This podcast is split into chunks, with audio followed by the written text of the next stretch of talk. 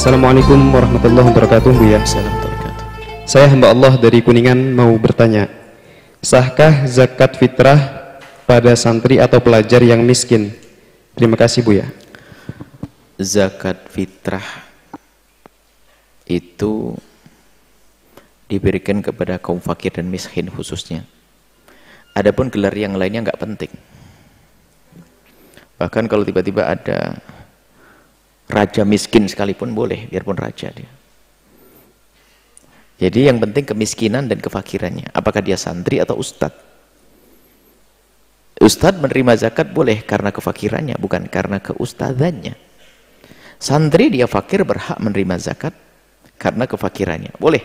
Asalkan terbukti dia adalah fakir dan miskin. Maka boleh kita berikan kepada orang santri yang seperti itu. Kalau santri bapaknya kaya raya dan dia nggak perlu, dikasihkan yang lainnya dong. Jadi kuncinya adalah fakir. Apakah boleh misalnya ada pertanyaan lagi, bolehkah zakat diberikan kepada anak yatim? Ya nggak boleh dong. Ngapain anak yatim dikasih? Yang diboleh, yang boleh dikasihkan anak yatim yang fakir. Anak yatim kaya raya, bapaknya miliarder, mati.